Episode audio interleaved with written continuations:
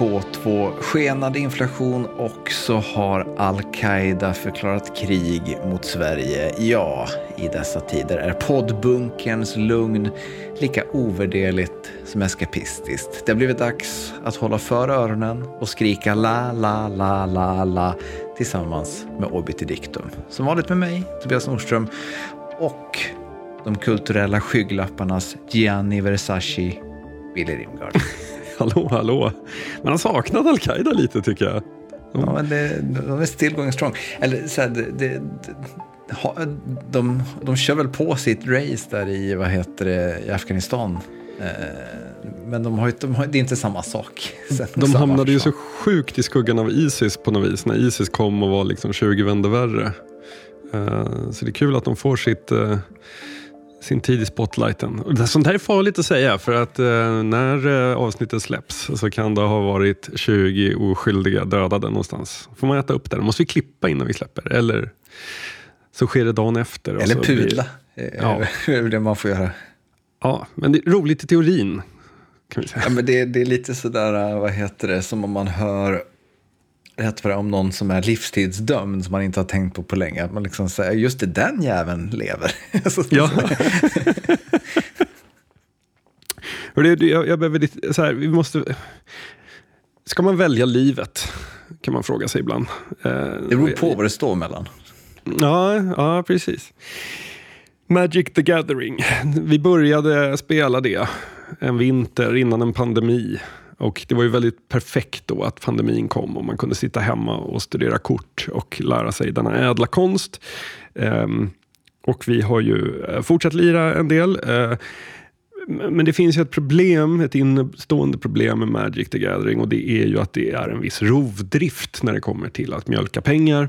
Och de senaste åren så har ju Magic gjort ett antal crossovers där de bland annat släppte ett antal decks eh, med Warhammer-tema Eh, här i sommar kom Lord of the Rings, så att det, det släpps liksom kortlekar där Gandalf finns med som kort och eh, an, annat så. Jag läste releaseplanen. Eh, mars 2024, då kommer crossovern mellan Magic the Gathering och Fallout. Så det blir eh, Commander-lekar med Fallout-tema. Det, det, här känns ju verkligen som en sån grej som om det här hade hänt för 20 år sedan.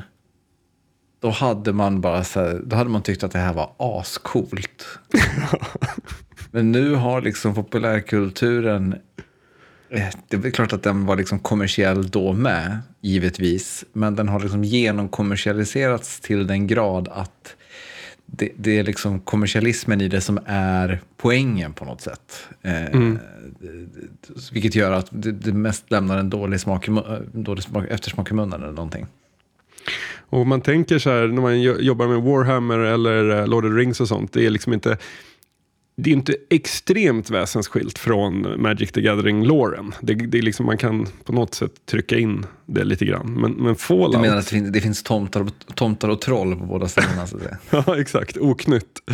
Um, men jag menar, uh, så här, Fallout som är någon slags cheeky, liksom mörk humor kring någon slags amerikansk hyperkapitalism på 50-talet. Trigger-happy cowboy, estetik möter eh, postapokalyps i liksom någon slags cynisk människosyn.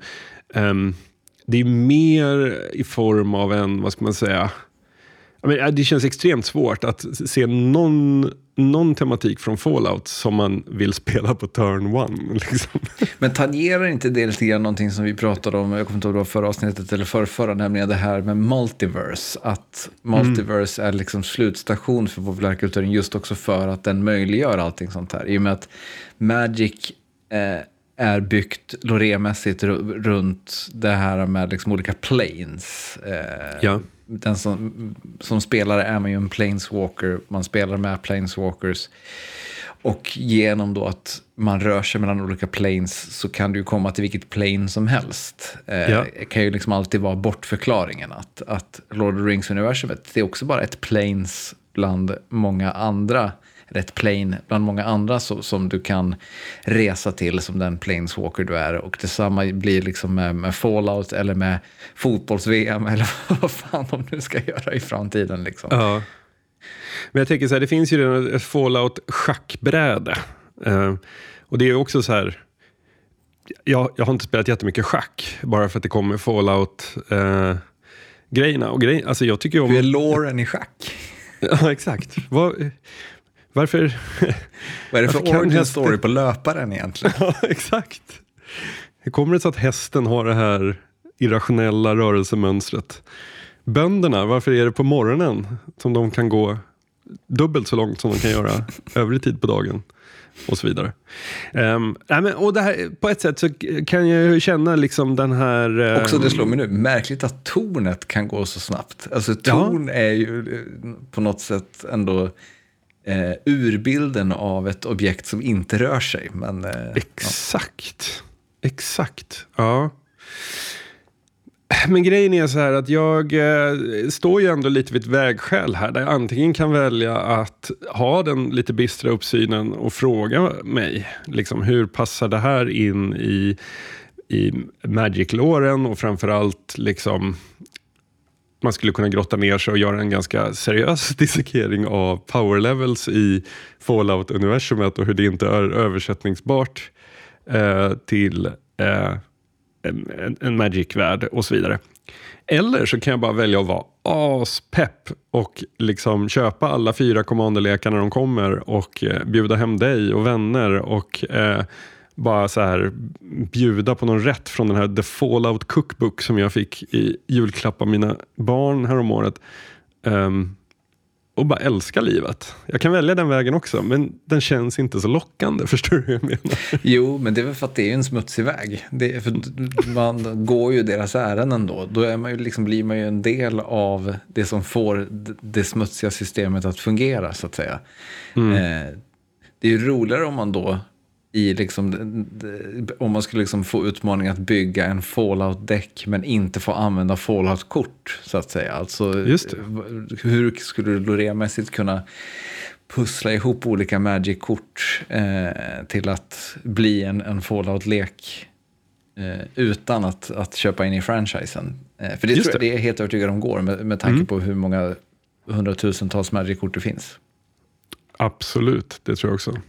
På tal om hundratusentals äh, Magic-kort, äh, jag läste en rubrik här i förra veckan som jag äh, tyckte kändes äh, ganska Oddpod-kompatibel.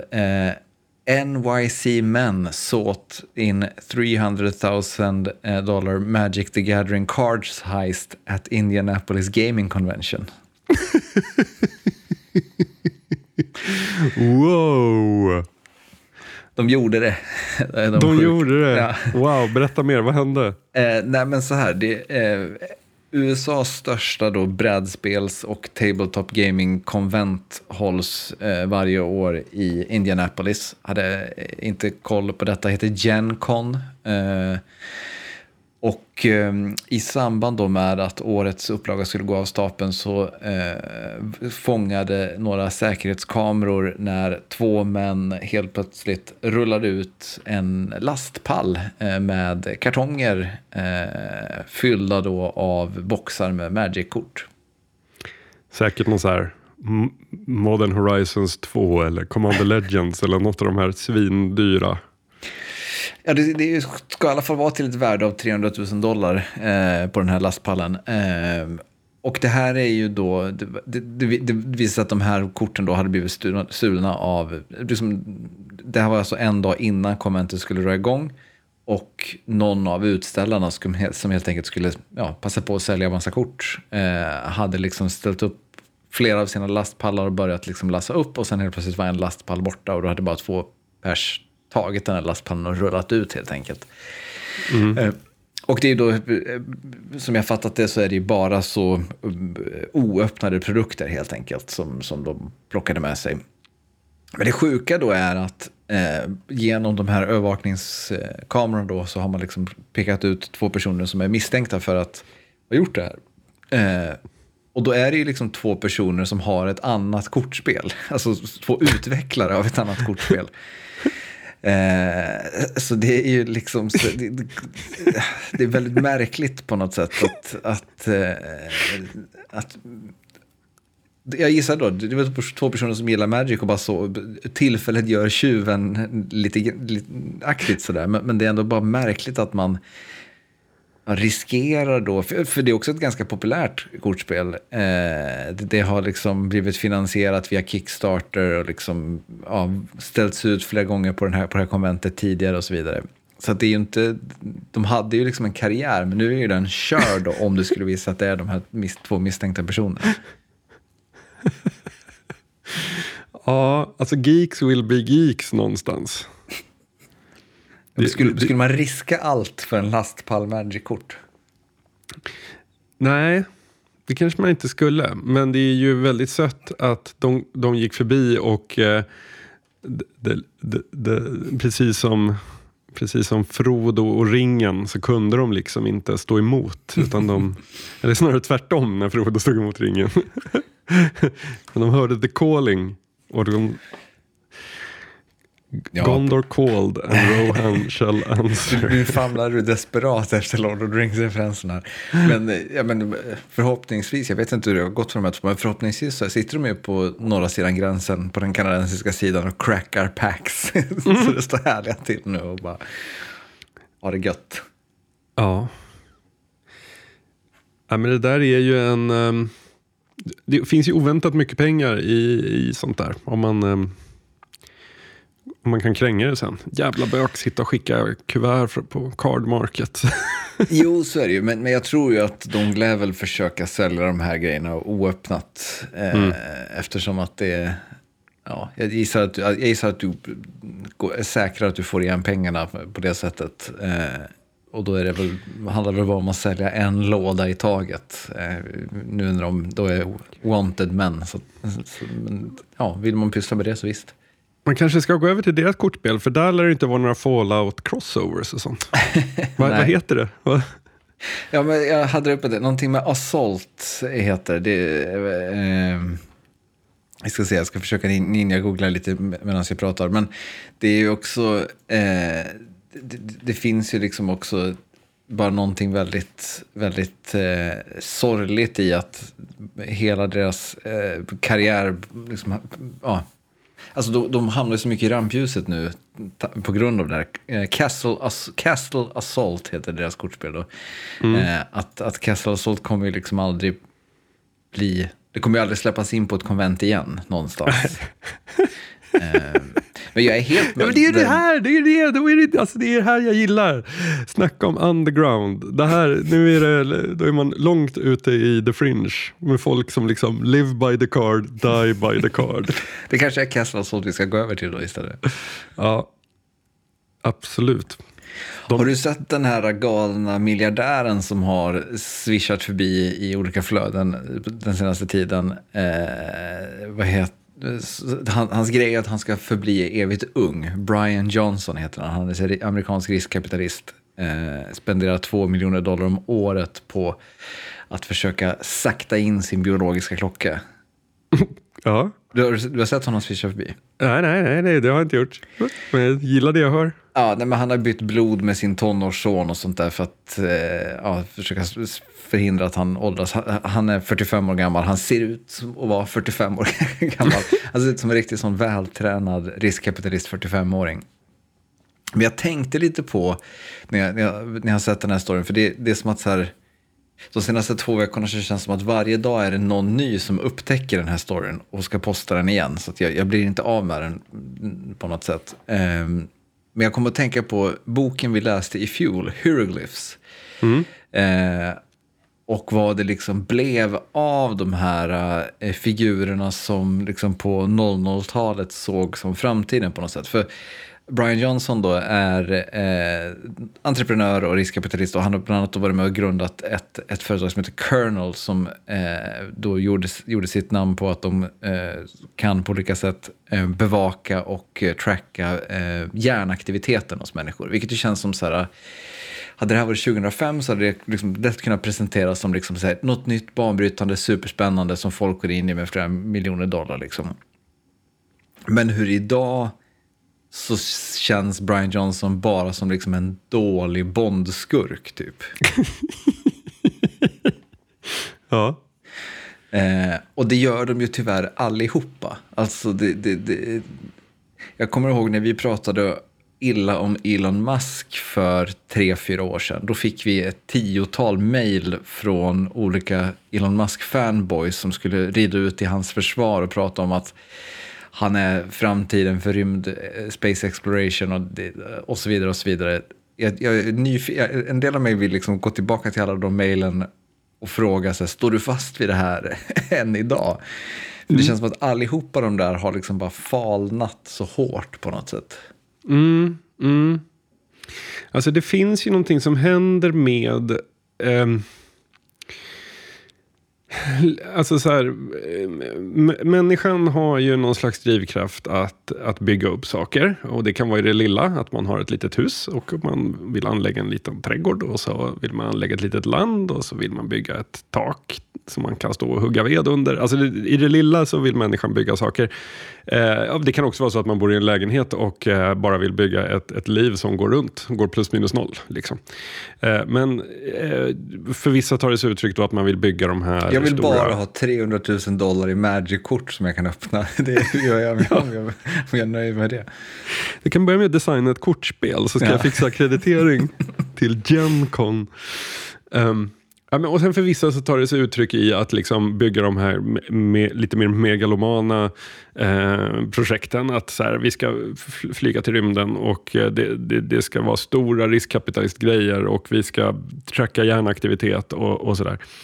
Men så blir det på något sätt så här som att när de lyckas och så här, ja, har eh, tjänat sina miljarder um, så finns det liksom ingen det finns liksom inget mer kvar att bygga. Eh, man kan då välja vä vägen som så Bill Gates som bara, nu vill jag göra gott. Jag ska bara åka runt och försöka stoppa svälten typ. Eh, för malaria har... var det som var hans kall? Malaria, just det, det var det. Um, men jag tror att här, för många blir det nog lite som när en så här, elitidrottare lägger ner karriären. Det, det säger de alltid är det liksom ensammaste. Du är, du är 35, du har inga kompisar för du har bara tränat hela livet. Eh, liksom varje vaken minut av ditt liv gick åt till förberedelser inför kommande säsong. Du åt enligt ett schema, du tränade enligt ett schema, du la upp inför liksom en världscuppremiär i skidor eller inför nästa säsong i fotbollen eller vad det nu var. Eh, sen en vacker dag så är du 35, ganska tidigt i livet fortfarande. Eh, och du bara har ingenting. Alltså den tomheten har ju man läst många beskriva som så här, att den är helt fruktansvärd. Risken är kanske... också ganska stor att du inte har lyckats bli ekonomiskt oberoende på ditt idrottsutövande. För Absolut. Det är ytterst få som blir. Absolut. Um, men det där är, jag kan tänka mig att, att om man är en Elon Musk eller en Brian Johnson Eh, när man liksom var 19 och eh, hade hybris och tänkte jag ska bygga ett företag som tar över världen. Och så gör man typ det. Så eh, men sen när det är gjort, det går liksom inte, du, du, har inga mer pengar du behöver tjäna för du, du har liksom mer pengar än du någonsin kan göra av med än, än som du försökte. Ehm, du har heller liksom inte så här något mer att bevisa för att alltså, Elon Musk kan inte säga så här jag ska börja från botten och börja bygga upp något nytt. Alltså, man får inte den payoffen längre, att det här byggandet och växandet och sånt.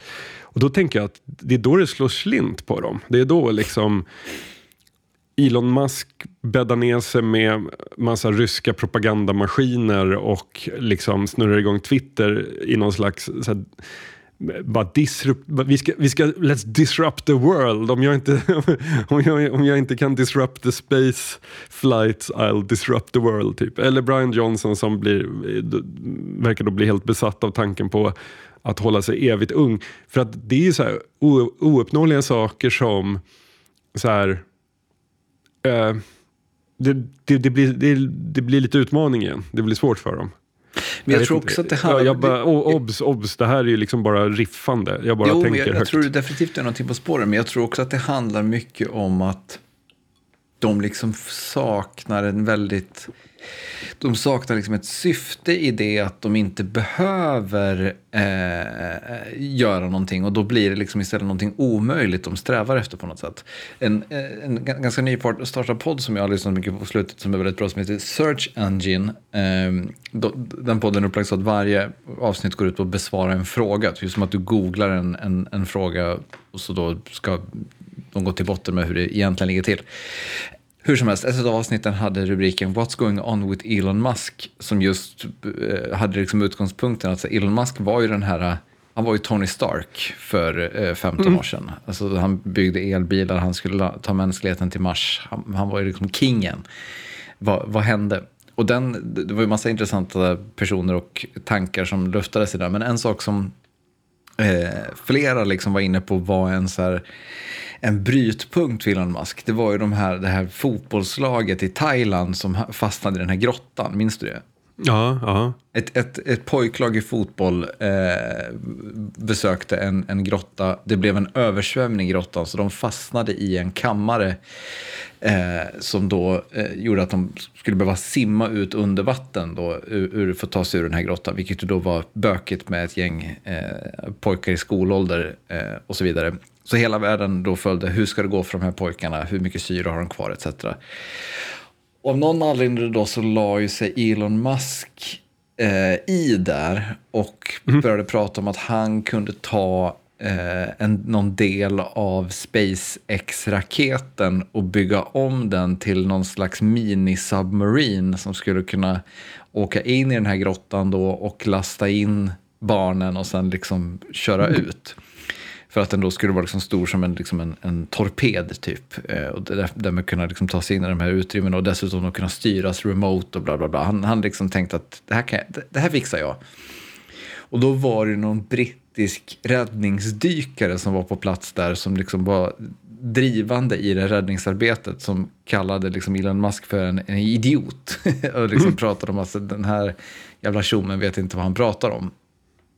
Och det gjorde ju liksom Elon Musk eh, väldigt upprörd. Eh, att liksom han då som är så kompetent, han är ju Tony Stark, så kommer liksom mm. den här jävla brittiska räddningsdykaren och, och förklarar att du vet inte vad du pratar om. Och då började han då istället gå loss med, på den här tiraden med att, för den här brittiska dykaren då hade varit på semester i Thailand. Eh, och Elon Musk då började insinuera att han är nog pedofil. För varför skulle annars en, en medelålders man befinna sig på semester i Thailand? Bla, bla, bla. Och det blev liksom så här sandlådenivå-grejen. Och alla i det här sandlådekriget eh, var liksom emot Elon Musk. Och flera av de här techjournalisterna som intervjuar den här podden pratar om att, så där ser, att efter det så ser man liksom någon slags inställning förändras hos Elon Musk i hur han liksom närmar sig sociala medier och media och, och omvärlden i stort. I att han liksom har haft så mycket medvind i ett decennium och plötsligt då så tycker alla att han är en tönt. Mm. Eh, och, att, och att han liksom så här, han försöker vara lite edgy och rolig och kalla någon för pedofil, men det är ingen som riktigt så här, tycker att det är särskilt kul. Eh, och att efter det då så liksom blir han mer edgy och mer, eh, liksom ännu mer extrem för att försöka liksom, eh, ja, men vinna någon slags om en meme lord-status istället på något sätt. Och det leder honom ner i fördärvet. Då.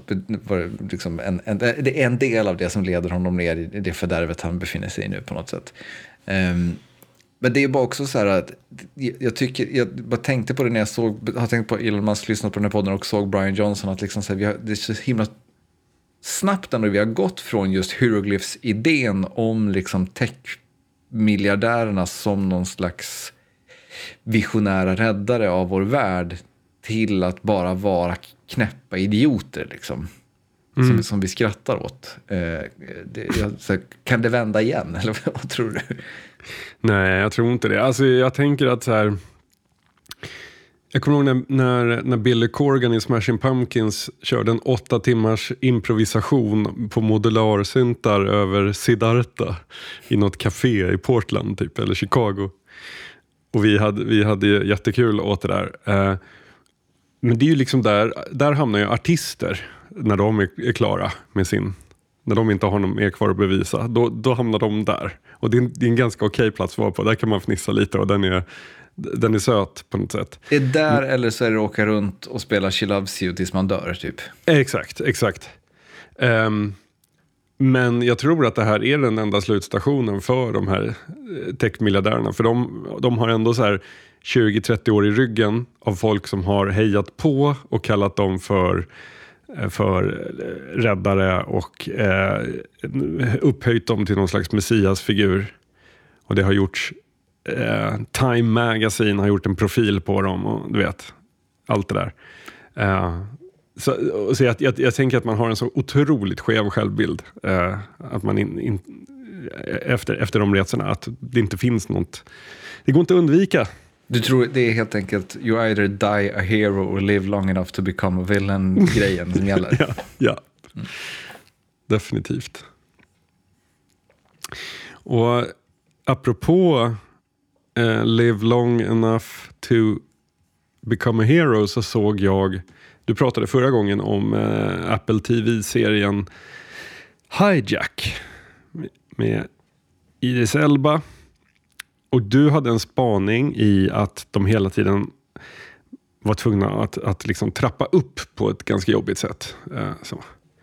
Jag har en annan spaning som är lite jobbigare mm -hmm. efter att ha sett den här. Ja, alltså, det, eh, jag, jag hade många plot holes och grejer i, i Hijack, men jag valde det dramatiska spåret. Men jag, jag är nyfiken på vad du Ja, för jag tyckte den var jätte, jättebra inledningsvis. Första tre avsnitten, otroliga. Liksom. Och det, när den hade gått i mål, det var, det var inte så att den var dålig. Jag tyckte om den. Men, och det här, den är inte ensam om, om det här, men det vi ser i Hijack är en tillbakagång till en form av berättande eh, där det enda sättet för hjälten eh, att verkligen vara en hjälte och eh, vara den här lite jobbiga mytiska eh, geniet som alltid är några steg före. Så man bara undrar var, var, varför gör han så här? Så bara, aha, det var så här.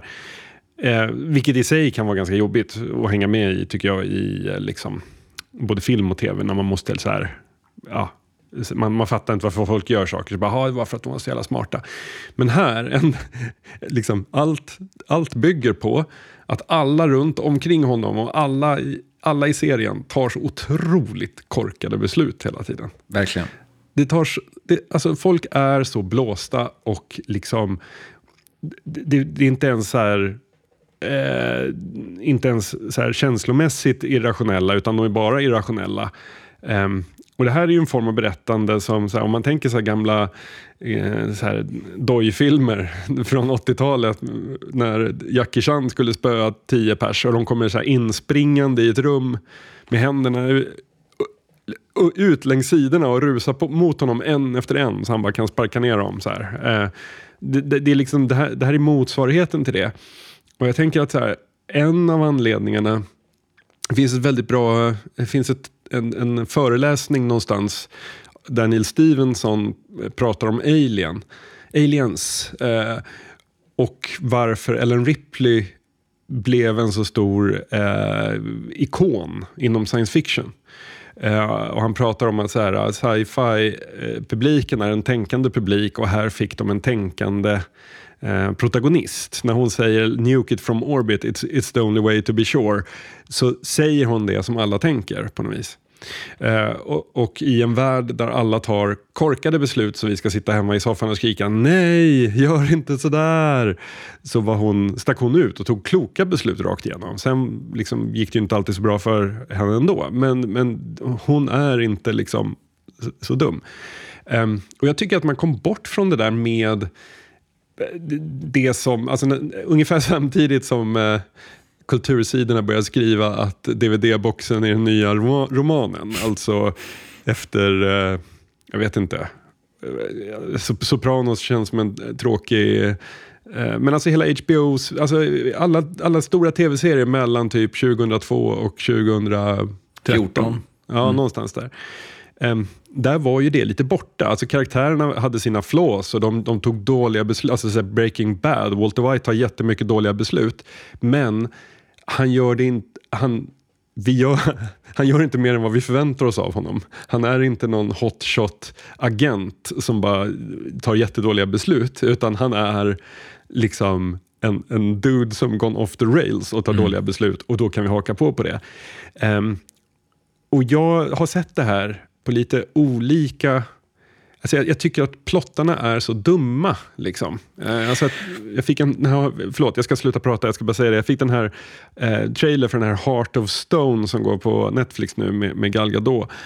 Uh, och, och då var så här, är det någon voiceovers där det var så här, eh, She can hack every computer in the world.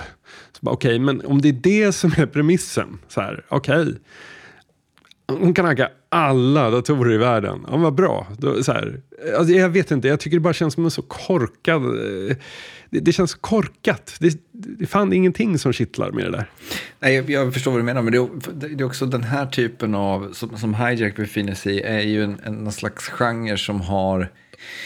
Eh, liksom, vi, vi har sett ha någon slags boom de senaste 6-7 åren känns det som. Eh, det, det, vad hette de här jävla filmerna om magiker? Now you see me, vad fan hette ja. de? Jo, Now you see me. Eh, alltså det är liksom så här, twistar överallt hela tiden och det är väldigt mycket så här man gör en grej av att man i handlingen förklarar twistarna för att liksom visa, kolla vad smart det här var. Eh, mm. det, och Eh, Eh, han som har skapat Hijack gjorde även en serie för Netflix innan som hette Lupin som jag såg två avsnitt av eh, för något år sedan när den kom. Som var liksom väldigt mycket samma sak. Det handlar om liksom en väldigt smart person som lurar folk till höger och vänster. Eh, och så visar serien då hur smart han har lurat alla och man bara aha. Och problemet är ju väldigt mycket att så här, eh, man, måste, man, man, får liksom, man kan inte klappa sig själv på axeln för att man har lyckats få ihop manuset. Alltså, för du har ju liksom kunnat göra så att allting går i lås. Då är det ju inget, mm. inget som är häftigt med att det går i lås, så att säga. Det, eh, du har ju liksom inte gjort, gjort liksom, du har inte förlett oss på samma sätt som dina dumma karaktärer är förledda. Och jag tänker att det är det som på något sätt är nyckeln, att när man ser alla fatta irrationella val bara för att tjäna handlingen så tappar tappar det liksom så mycket. Man, man har inga problem med karaktärer som fattar irrationella dåliga val så länge de gör det utifrån någon slags egen logik. Men så mm. fort flera karaktärer gör det på ett sätt som bara tjänar att handlingen rör sig dit vi vet att den ska så blir det för tydligt på något sätt. Man, man ser liksom trådarna bakom marionetten på något vis. Att nu måste den här karaktären kasta sig fram där, eh, trots att den inte ska göra det. Därför att det möjliggör för vår huvudperson att göra sin grej, så att säga. Det, och då, då, då tappar man liksom på något sätt verklighetsförankringen för mycket. Um, mm. äh, är min, min, min tanke om varför, varför det är sådär. För det, jag håller verkligen med om att det fanns många sådana ögonblick i, i, i Hijack och man ser det ganska ofta nu för tiden. Um, ja. Men för liksom det är ju jag tycker det är väldigt tydligt när man tittar på gamla filmer. Jag köper ju dåliga DVDer. Och det är så tydligt de här, den här typen av scener där det är så här, men, så här, ta en, ta en hotellobby. En, eh, vår hjälte klarar sig precis undan den stora explosionen och det regnar ner glassplitter och damm och sånt. Hen ställer sig upp och borstar av det. Då öppnas en dörr och där utifrån toaletten så kommer en liten tjock businessman med kostymbrallorna runt anklarna och håret stående åt alla håll och sot i ansiktet. Och sen klipp till nästa scen. Alltså så här, den där typen av att så här, vi måste ha in en comic relief-grej, det, måste vara lite, det måste vara lite puckat. Eh, den, den, liksom, den upphöjda någonstans slutet av 90-talet, tänker jag. Fast Där... den, den, så här, den den fanns väl överallt. Den har väl alltid funnits överallt för att det är också synonymt med någonting, att göra någonting brett.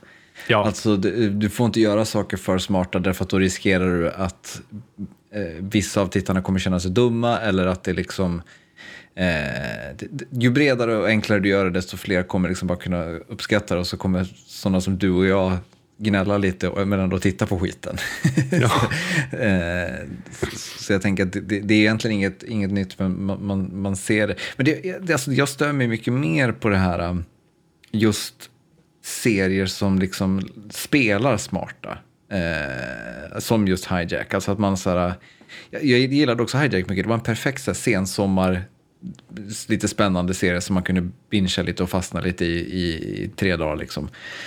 Men, men just det här liksom är att, eh, att man på något sätt gör en grej av att det här är eh, så smart när man också bara fattar att fast, manusförfattarna har ju bara skrivit det här baklänges. Eh, mm. man vet, de vet ju var vi är på väg och sen så liksom så här rör, skri, fattar de att så har vi några hinder på vägen hur ser de hindren ut och så vidare. Det, det är det som på något sätt är dåligt hantverk i grunden. Eh, just, just att man ser hantverket, inte, det, det, känns inte som någonting organiskt, en, en, en handling som bara unfoldar efter sin egen logik, utan det är så himla styrt på något sätt.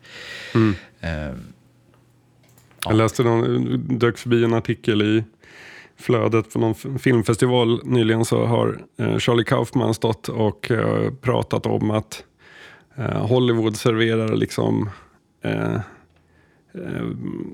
serverar er Eh, tallrik efter tallrik med skit, men eftersom ni har ätit skit hela livet så tror ni att ni tycker om skit. ja, jag vet inte, den, jag, jag, läste den och den kändes alldeles för, för gubbig för att eh, referera till i podden. Men sen så eh, efter det här så ja, får ta tillbaka det. Men eh, så, ja, jo, så är det ju. Det, det, det finns ju såklart, såklart massa smarta serier. Vi pratar väl för lite om dem bara. Det är väl det också som är problemet. Det är vi eh, som inte är tillräckligt smarta. Vi Exakt. ser bara fel grejer. Ja. Men eh, jag tänkte ändå eh, dra, men som, när vi pratade om Apple Apple TV Plus-serien förra veckan så gav vi det ett val mellan två mm. eh, dramaturgiska problem. Jag tänker att vi kan väl bränna av det andra dramaturgiska problemet jag upplevde eh, som inte handlade om Hijack då, utan om eh, Apple TV Plus-serien eh, Blackbird. Har du sett den? Nej. Hisspitchen är då att den handlar om en eh, halvung kille, 25-30-årsåldern, som eh, när serien börjar torskar för att ha sålt massa knark. Eh, han hamnar i finkan, döms till 10 år, eh, har blivit lovad att han ska få ett kortare straff om han eh, ja, erkänner sig skyldig. Så han gör det, men han får ändå ett tio års straff, blir förkrossad. När han då sitter på kåken så kommer en FBI-agent som var med och satte dit honom och erbjuder honom en deal. Eh, det här är då baserat på verkliga händelser ska, ska sägas. Och det, dealen är då att han kan få sitt straff helt struket om han går undercover för FBI eh, på ett maximum security prison och får en eh, eh, seriemördare att eh, berätta var en av kropparna som han har mördat ligger begravd. Mm. För den här seriemördaren då har överklagat och ser ut att kunna komma ut eh, om, om de inte hittar då den här kroppen helt enkelt. Eh, liksom så här, halvspännande upplägg, eller så, ganska intressant upplägg. Man fattar att så här, det, när det är baserat på en verklig händelse så förstår man vartåt det barkar på något sätt. Men det, då till det dramaturgiska problemet eh, som det, det återkommer några gånger i den här serien, men det finns, jag har ett väldigt tydligt exempel. I då eh, första avsnittet eh, så, eh, eller i andra avsnittet ska jag säga, så presenteras han då för den här dealen. Eh, eller så här, dealen presenteras i första avsnittet, men när dealen då ska träda i kraft så berättar FBI-agenten för honom att det är inte säkert att det blir du. Eh, vi har flera kandidater som kan gå undercover. Och så ska de då liksom bygga någon slags spänning runt att, oh, ska han få gigget?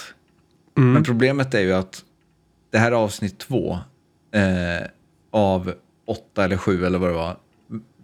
Det är klart att han kommer få gigget. Alltså att försöka bygga ett drama och ett dramaturgiskt problem runt någonting som man själv förstår att det här... Alltså det går ju inte att få någon spänning av det eftersom att om han inte får gigget då är serien slut. Och mm. de hade aldrig gjort en serie baserad på verkliga händelser som handlar om han som inte fick gigget. Ja, så att säga. Eh, och jag tänker att alltså, det här är någonting man ser, man ser dyka upp lite då och då. Så att man så här, i en berättelse som man eh, vet är halvvägs igenom skapa liksom en, en, försöka skapa en spänning runt en situation som man som tittare eller läsare med lillfingret räknar ut att det här är ingen fara. Alltså huvudpersonen är på väg att dö i avsnitt tre. Man, man, man, fatt, man, fatt, man räknar ut med arslet direkt att det kommer att ordna sig. För huvudpersonen kommer liksom inte dö i avsnitt tre. Ja, men det var någon... Uh i Jack Reacher-serien på Amazon, där var det ju en väldigt tidigt avsnitt, en väldigt lång scen där Jack Reacher var i fara. typ. Och mamma, men varför håller ni ut på det här så länge? Fan, låt honom bara vi vet, vi vet vad som kommer hända. Han kommer sänka alla fyra stycken. Ni behöver inte hålla på och tassa omkring här i mörkret och, och liksom eh, låtsas att det finns ett hot mot honom, utan låt honom bara liksom, ja, för det var alldeles för utdraget. Ja. Um, men det där är ju också så här, den är, alltså, jag, jag tyckte ditt exempel är mer extremt därför att, att sätta upp det som en grej, det är inte säkert att du får gigget.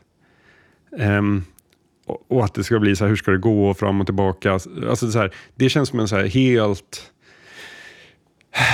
Ja, men det, det, känns ju som en, någonting som inte tillför någonting i den typen av handling. Medan en, en, en hjälte eller hjältinna som möter faror och måste övervinna dem för att liksom ta sig till nästa nivå i sin quest på något vis. Eh, det, det, är liksom någonting annat på något vis.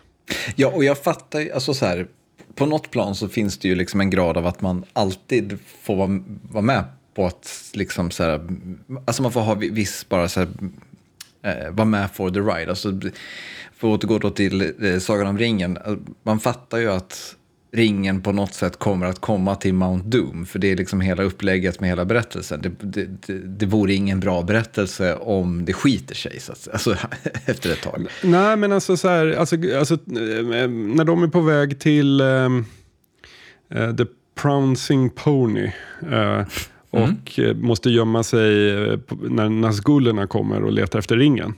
Um, det finns ju, när man, när man läser den första gången, så det finns ju ingenting där som, som hindrar att Nazgulerna skulle få, kunna få tag på ringen.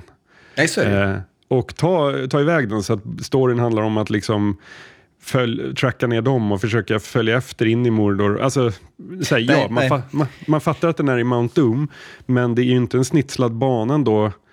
Um, det är inte självklart att ringen ska stanna i Frodos ägo hela vägen så att säga. Nej, absolut, så är det Men det jag menar bara att här, i, i många berättelser så förstår man vart vi är på väg och man förstår att vi kommer att komma dit, för annars så vore berättelsen på något sätt poänglös. Alltså om, om Neo i The Matrix inte är the chosen one, så är liksom, vad är det för vits att berätta hans berättelse? Så att säga. Alltså det, det, så är, och det jag menar är att här, ofta så kan man liksom bara tugga i sig att här, jag fattar att personen kommer inte dö nu eller vi kommer liksom inte, kommer inte berättelsen kommer liksom inte ta slut här eller och sådär.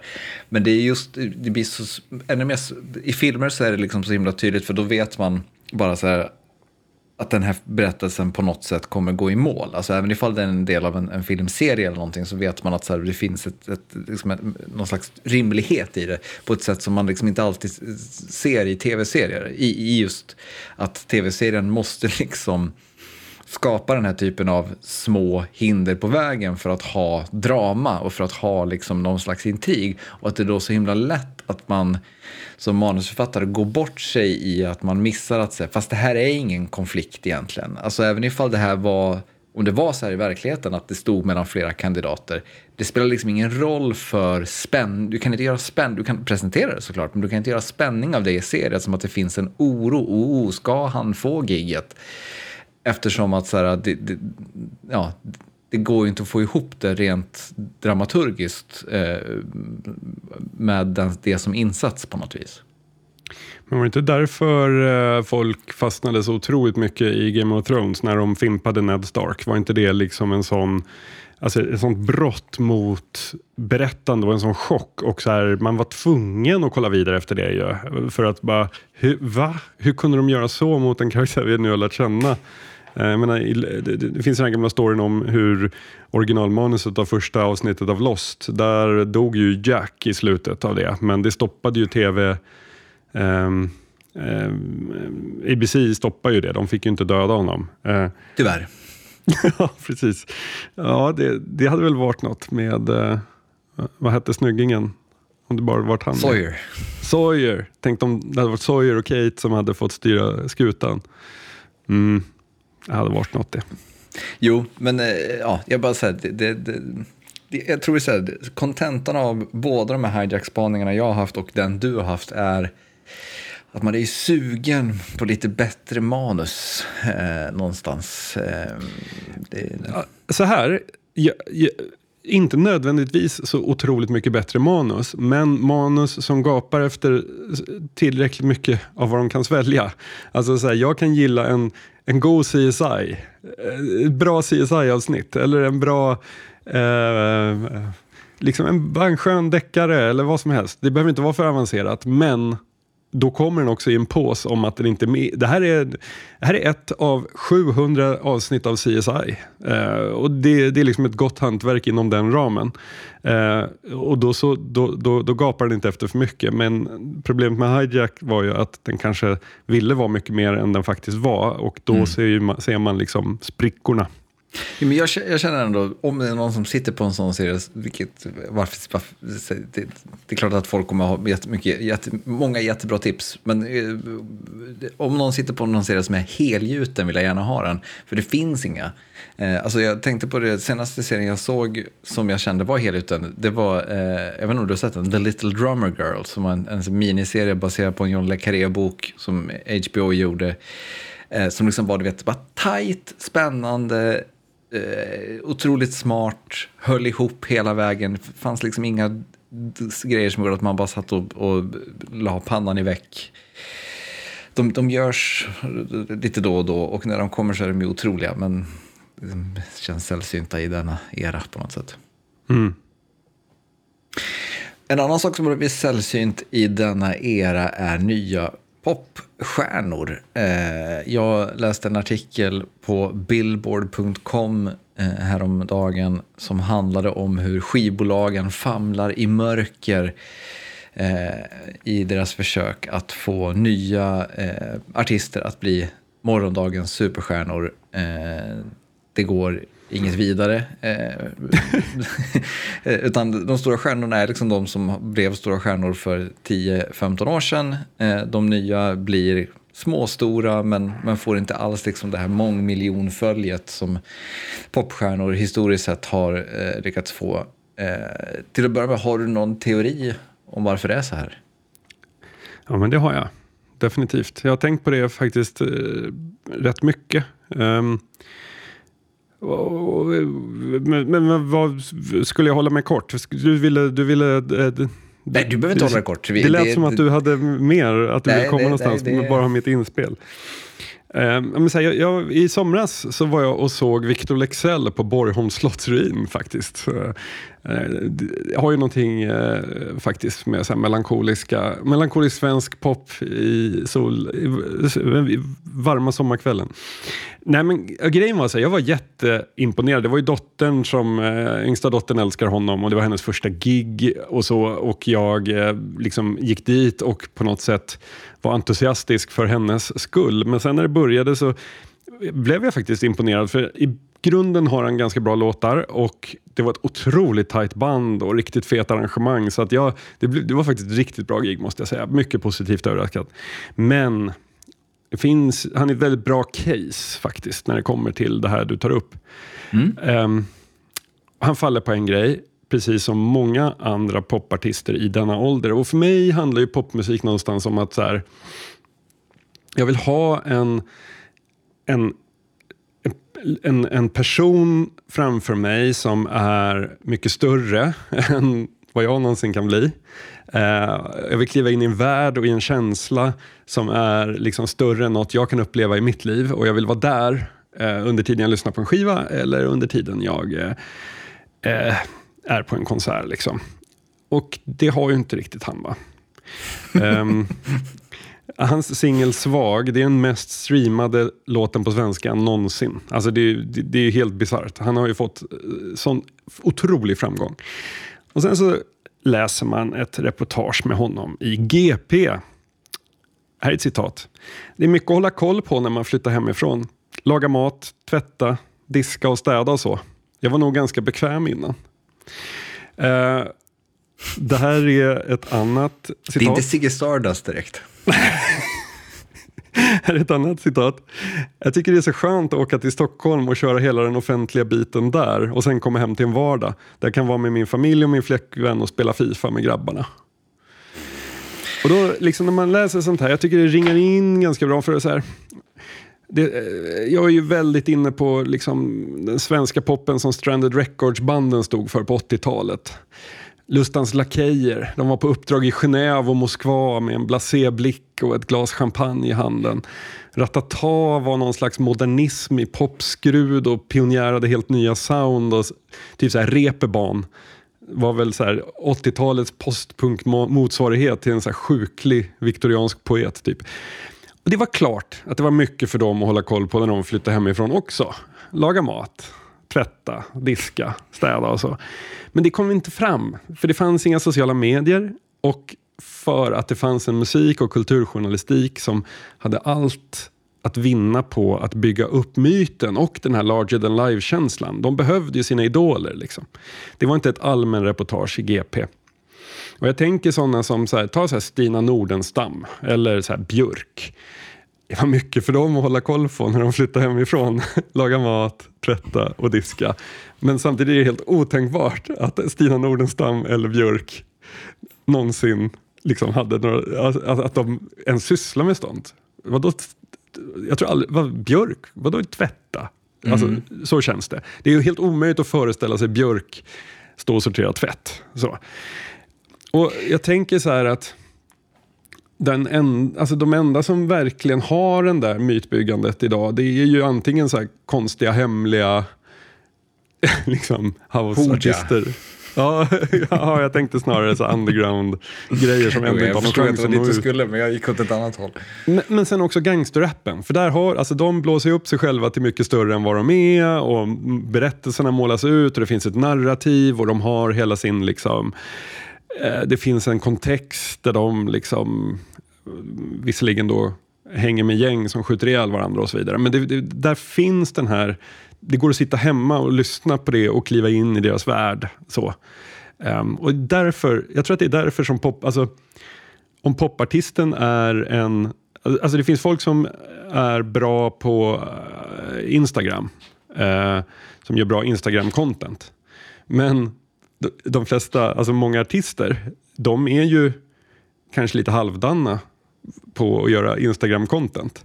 Så vill man hellre följa någon som gör jättebra content och sen spela in någon så här aslökig låt. Eller vill man följa någon som gör jättebra låtar men gör ganska tråkigt content. Men, men tänker du att det här är liksom ett, ett symptom på att musikjournalistiken är död? Eller tänker du att det är skivbolagen som liksom inte gör sitt jobb i att se till så Victor Lexell sitter, inte sitter och pratar om att han vill hem och spela Fifa med boysen. Eh. Mm.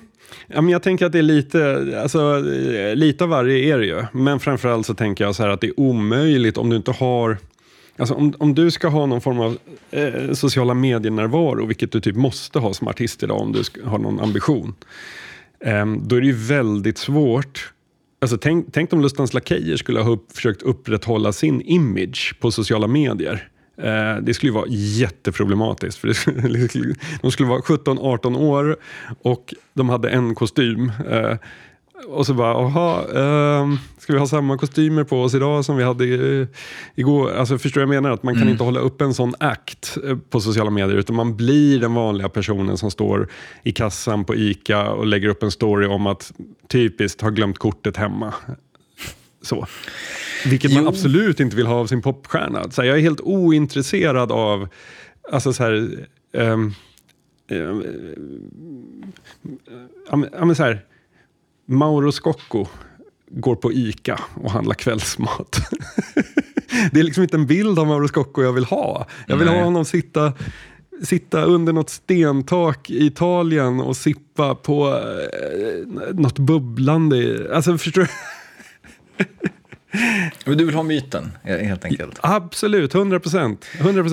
Jag, är ju så, jag gillar ju också myten, men jag kan också se att det finns någonting nyktert i att det är någonting vi lämnat, nu lämnar bakom oss. För jag tror verkligen att det är någonting vi lämnar bakom oss. Jag tror ju att det du beskriver är eh, instrumentellt i varför det är så, varför skivbolagen inte kan, kan få ut några stora kändisar. Men samtidigt så liksom så här, Billie Eilish har ju liksom, får man säga, blivit en me megastjärna. Och där, hela hennes grej bygger väl väldigt mycket på vad bara en, alltså dokumentären om henne till exempel, den är mm. otroligt mycket så hemma i sovrummet, typ ligger och pöser i mju- mjukisar och spelar in lite musik med sin brorsa.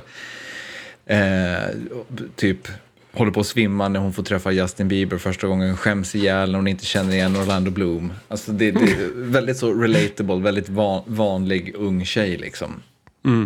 Eh, men där funkar det ju ändå av någon anledning. Eh, men jag, så jag, tror, så jag, jag tror du har rätt, men jag tror också en, en, en annan del av pusslet är att det här, det är liksom nu vi ser effekterna av 10-15 år med streaming och nedladdning. Alltså att när människor nu har liksom fått en mer eh, fri konsumtion av musik så har också skivbolagens makt över vad folk lyssnat på förminskats i väldigt stor utsträckning. När liksom skivbolag förr i tiden lanserade en, en artist så om liksom det var någonting som man märkte bet eh, hos, hos en publik, då kunde man på ett annat sätt trycka på gaspedalen och liksom eskalera den utvecklingen. När Wannabe med Spice Girls blir en hit, då kan man liksom så här bara, ja men då, då trycker vi igång PR-maskineriet och, och uppar det från 10 till 12 Eh, och sen är helt plötsligt Spice Girls överlägset störst i hela världen. Eh, och det kan man liksom inte göra idag på, på samma sätt. Eh, och även ifall någonting liksom blir en stor streaminghit eller någonting som folk börjar lyssna på så har man inte samma kontroll över vilken musik som distribueras och i vilken utsträckning den distribueras. Och det tänker jag liksom är ju i grunden någonting positivt. Eh, även ifall det liksom sker på bekostnad av att vi får färre eh, så här stora superartister.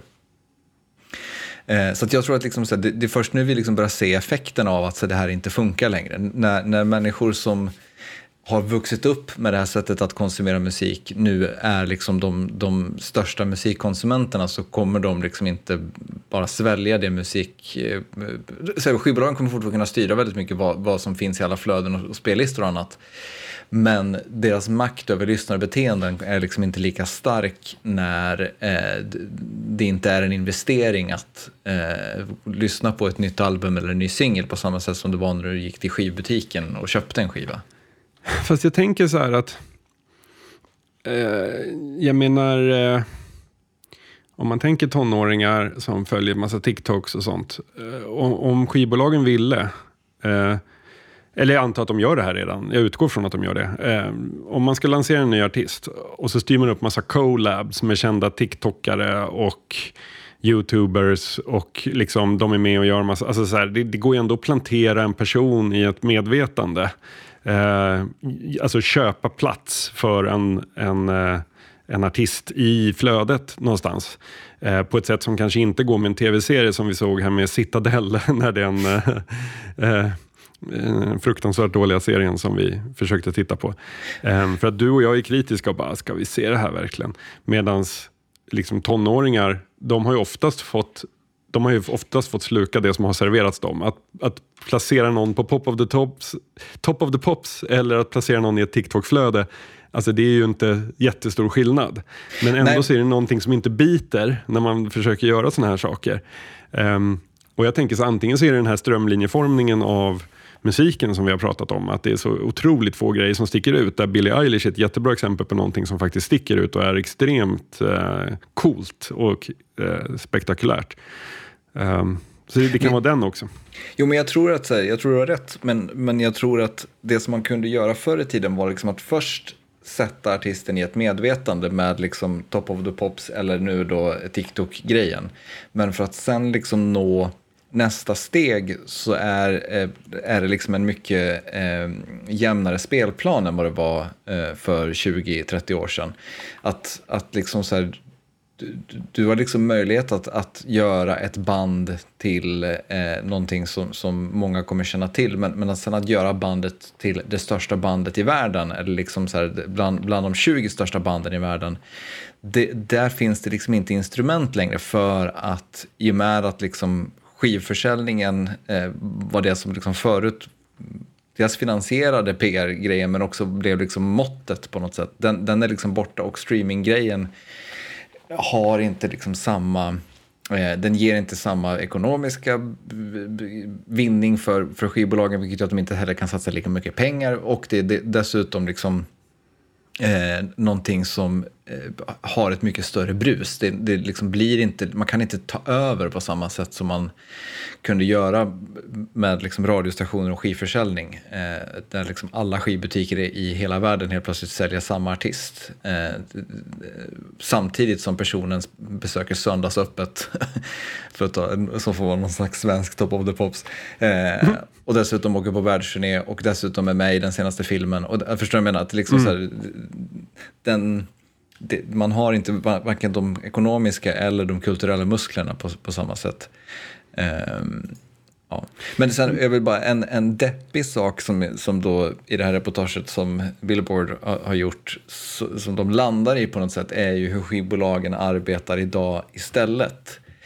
Och det är ju då helt enkelt att eh, när man inte kan få många fans så försöker man hitta sätt att identifiera vilka fans som lyssnar i väldigt stor utsträckning på artist som man då kan pumpa på ännu mer pengar istället. Mm. Så att istället för att många betalar lite så försöker man hitta sätt då att få betala eh, mycket. Eh, mm. Och det känns ju bara, det känns enormt cyniskt på något, sätt, på något sätt. Speciellt eftersom att det här ju fortfarande är är business som vänder sig i stor utsträckning till väldigt unga människor. Mm. Ja, men sen så är det ju också så här, det man måste så förhålla sig till någonstans när man tänker på sådana här saker, det är liksom... För mig, när jag liksom lyssnar på en bra låt så går musik på något vis Alltså det går bara rakt in i, i själen som en känsla på något vis, har alltid gjort. Eh, och just de där tre minuterna av den där låten, eh, då händer så otroligt mycket och det är så suggestivt och jag eh, liksom eh, målar massa bilder av den som är avsändare och, och man tänker varför valde de de här orden? Alltså så, så den, det, det liksom, jag går väldigt djupt in i det.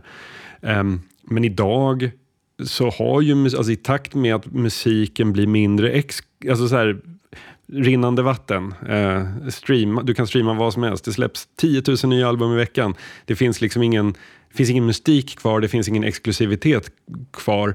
Då blir ju musiken på många sätt reducerad till eh, ett bakgrundssoundtrack till någonting eller som en Eh, liksom, det ackompanjerar en bra TikTok-dans. Men låten i sig devalveras ju i värde. Eh, och det behöver man inte säga med någon bitterhet eller så, utan jag bara menar att det är svårt ibland att prata om de här sakerna. För jag tänker att skivbolagen resonerar på samma sätt. De har alltid kunnat odla popstjärnor. Men tänk om popstjärnan inte har något värde längre. Tänk om popstjärnan bara är liksom precis som att någon, någon eh, mickar upp en film. Eh, ljudproducenten har aldrig varit stjärnan i filmen. Eh, och på samma sätt så kanske inte popstjärnan är stjärnan i vår contentkultur. Det kan vara så. Ja, säkert. Men sen är det också frågan om den där mystiken, alltså det, den, det kanske också är så att mystiken var en lögn hela tiden så att säga och att oh, ja. den, den bara liksom nu inte eh, bi, den kan inte fortsätta vara mystisk i, i vårt tidevarv på något sätt. Nej. Med det så rundar vi av avsnitt 140 av till Diktum. Eh, stötta oss på Patreon, patreon.com podd. Stort tack till de som redan gör det. Eh, tack vare att en av er gör det så ska vi nästa vecka prata lite ambient. Det blir kul. Mm. Det eh, har vi faktiskt aldrig pratat om på det sättet. Men nu när det kommer in som ett lyssnarämne, ett Patreon-ämne, så blir vi ju tvungna att prata om det. och ja. jag hade kunnat, eh, vi hade kunnat slå på mickarna direkt efter det här och bara sätta två timmar. Nej, vi ska förbereda oss. Jag ska, jag, ska, jag ska titta i min bokhylla, ta ner lite referenslitteratur och sådana oj, saker. Oj, oj, oj, oj. Så ah, det kommer inte jag göra. En Wikipedia-sida på sin höjd. Mm. Eh, ha det bra så hörs vi om två veckor. Ha det fint, hej då.